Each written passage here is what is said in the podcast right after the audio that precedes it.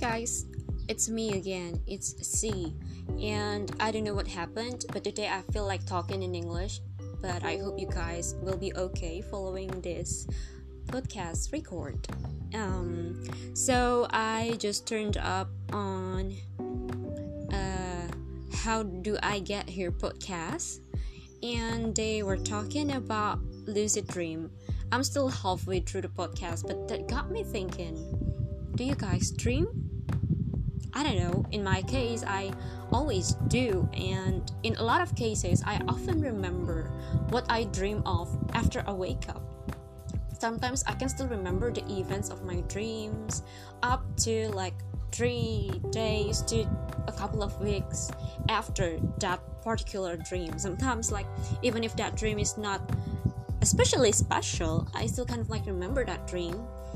And Usually, after I wake up, a few hours maybe after that or a day after that, I would often tell my friends about my dream or write it down when I think that it's fascinating to remember. So, yeah. But I don't really have particular moments when I have to dream. Like, maybe for some people, they don't dream often or they're only dreaming when they are depressed or they are only dreaming when they're in a good state of life at the moment. I don't know about other people but that on me um, it's a very often circumstances.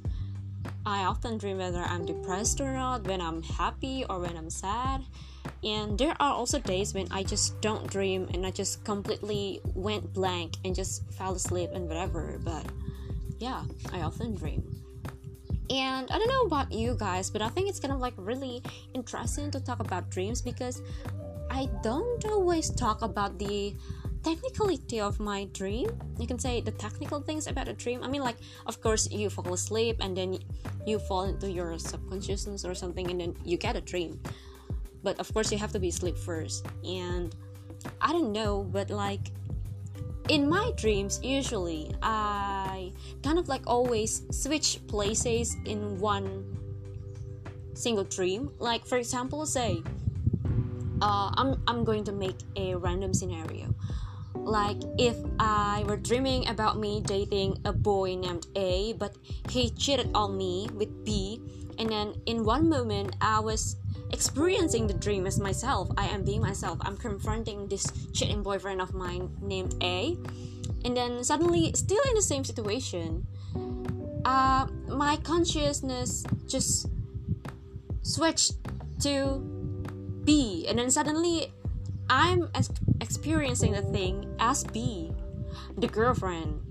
Um, not the girlfriend, the uh, the girl my boyfriend cheated on with and then like um suddenly out of nowhere still in the same situation still in the same time frame i would like just get out of all of these people and suddenly i'm like i don't know whether i'm still a being or not but like suddenly i'm a third person watching everything unfolding before my eyes as if i was an audience watching a drama. But it's you can say it's a real life drama but well it's a dream and i'm no longer a part of the sequences but i'm still dreaming. And then the, the scenario went on and then new people came in and then i would somehow sometimes switch to another person as well I don't know if that sounds crazy, but that is as crazy as it is, and that's how I always have my dreams. So it's kind of like really jumbled. Like when I'm trying to retell my stories um, about these dreams to my friends, I have to like really recount each of the sequences, who I'm meeting, who I met, who I was with in the dream, and who whoever it was, whoever they were that were in the dream, because sometimes I just switch consciousness from one person into another person. Sometimes I wasn't myself, and I kind of like only realized that in some years I have this main theme of dreaming. Like, for example, in 2018, it was one of the hardest years. Oh, not really. Oh, no, no, no. yeah, you can say that 2018 was full of struggles for me, and most of my dreams were about me being chased. I don't know whether people were trying to murder me or people were trying to put me in jail or people just chased me out of nowhere because they're psychos or anything. They just I got chased in my dreams and that happens a lot. That's almost like a main theme of my dreams in 2018 and after that waking up felt exhausting. I don't know about you guys, but in my case, when I woke up, no, no, it's not in the past tense. I always have this. Whenever I wake up after long dreams of doing physical activities like that, like running from people who chase me, I always wake up very, very exhausted as if I just, as if I were actually, as if I was actually running. But like, I mean, it was a dream. I don't know whether my physical conditions experience the dream as if it was reality or not. I'm not sure. Maybe other people you guys are also experiencing the same but in my case that's the reason why dreaming although i kind of like find dreaming is okay i also find it really exhausting physically. And then um, like in 2019 it was like i have to like admit that 2019 was the hardest year i've ever had I guess. I often had dreams about weddings and pregnancies. It's just very weird because I didn't have partner at that moment. I, I didn't have boyfriend back in 2019 and whenever I dreamt about being pregnant, I wasn't even aware who the father was. Like I literally just know, I literally just knew that oh, I had a bab- I had a baby in my belly. But that's that. I wasn't even thinking about a husband or a partner or a boyfriend or anything. And usually it's the early stage of pregnancy, so like I was in, I was always in, in the delicate phase of pregnancy. Usually in my dreams, like it would be like two, three months, like the first three the first three semesters i think. It's never like serious big belly condition kind of pregnancy. And then also weddings. And mostly it's either i'm in those dreams in 2019 uh, either i was watching someone else having their wedding ceremonies or there was that one time i think i was the one planning my own wedding or something or planning someone else's wedding or something. It's mostly watching people getting wet or preparing weddings, and it's kind of like weird. It kind of like it kind of like freaked me out at first because I don't even think I didn't even think of marriage and let alone pregnancy at that time because I was not looking for a partner. I was not looking for a romance. I was just too tired and too busy and too lazy for it. And yeah, but I mean, like, a dream is a dream. We will never know dreams mean, what dreams would eventually lead us to.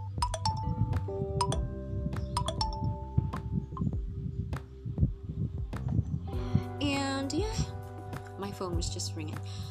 Yeah, I don't know about you guys, but I often find inspirations from dreams. Not only me, but I also have like a really close friend of mine who also had a serious case of almost realistic dreams because she often has like crazy scenarios in those dreams. Like and i don't know somehow maybe it's because we're close and we talk to each other often despite not being uh, physically close to each other like we're living in different cities because of work but she often dreams of me either me being married with a lot of kids or me being the relative of someone she got accustomed to and like just a lot of dream a lot of dreams with me in it and i don't even know. I i personally don't, don't really have dreams that often include my closest people my closest friends or my family members. I don't really dream about my closest people but